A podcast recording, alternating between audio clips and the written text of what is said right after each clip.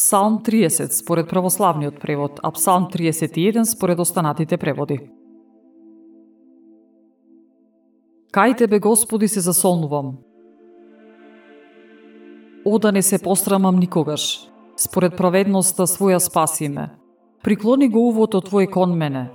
Побрзај да ме избавиш. Биди ми Бог заштитник и прибежиште за да се спасам. Зашто Ти си карпа моја и крепост моја. Заради името Твое поведи ме и управувај со мене.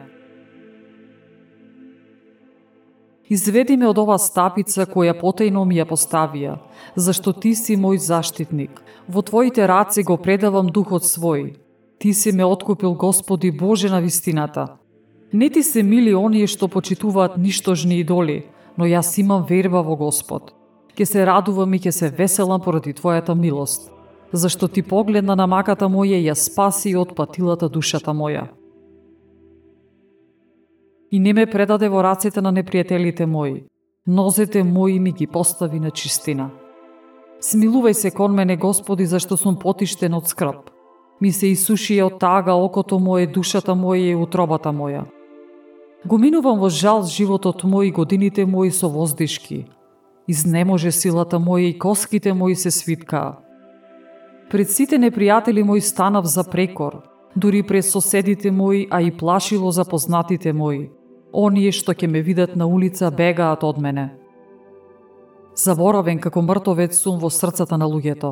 Станав како скршен сад. Бидејќи чув дека мнози на околу мене погубно шепотат и кога ќе се соберат заедно се договараат и душата моја да ми ја одземат. Јас пак имам верба во Тебе, Господи, велам, Ти си мој Бог.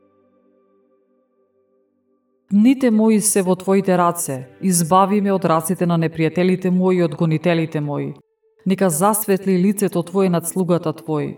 Спаси ме поради Твојата милост.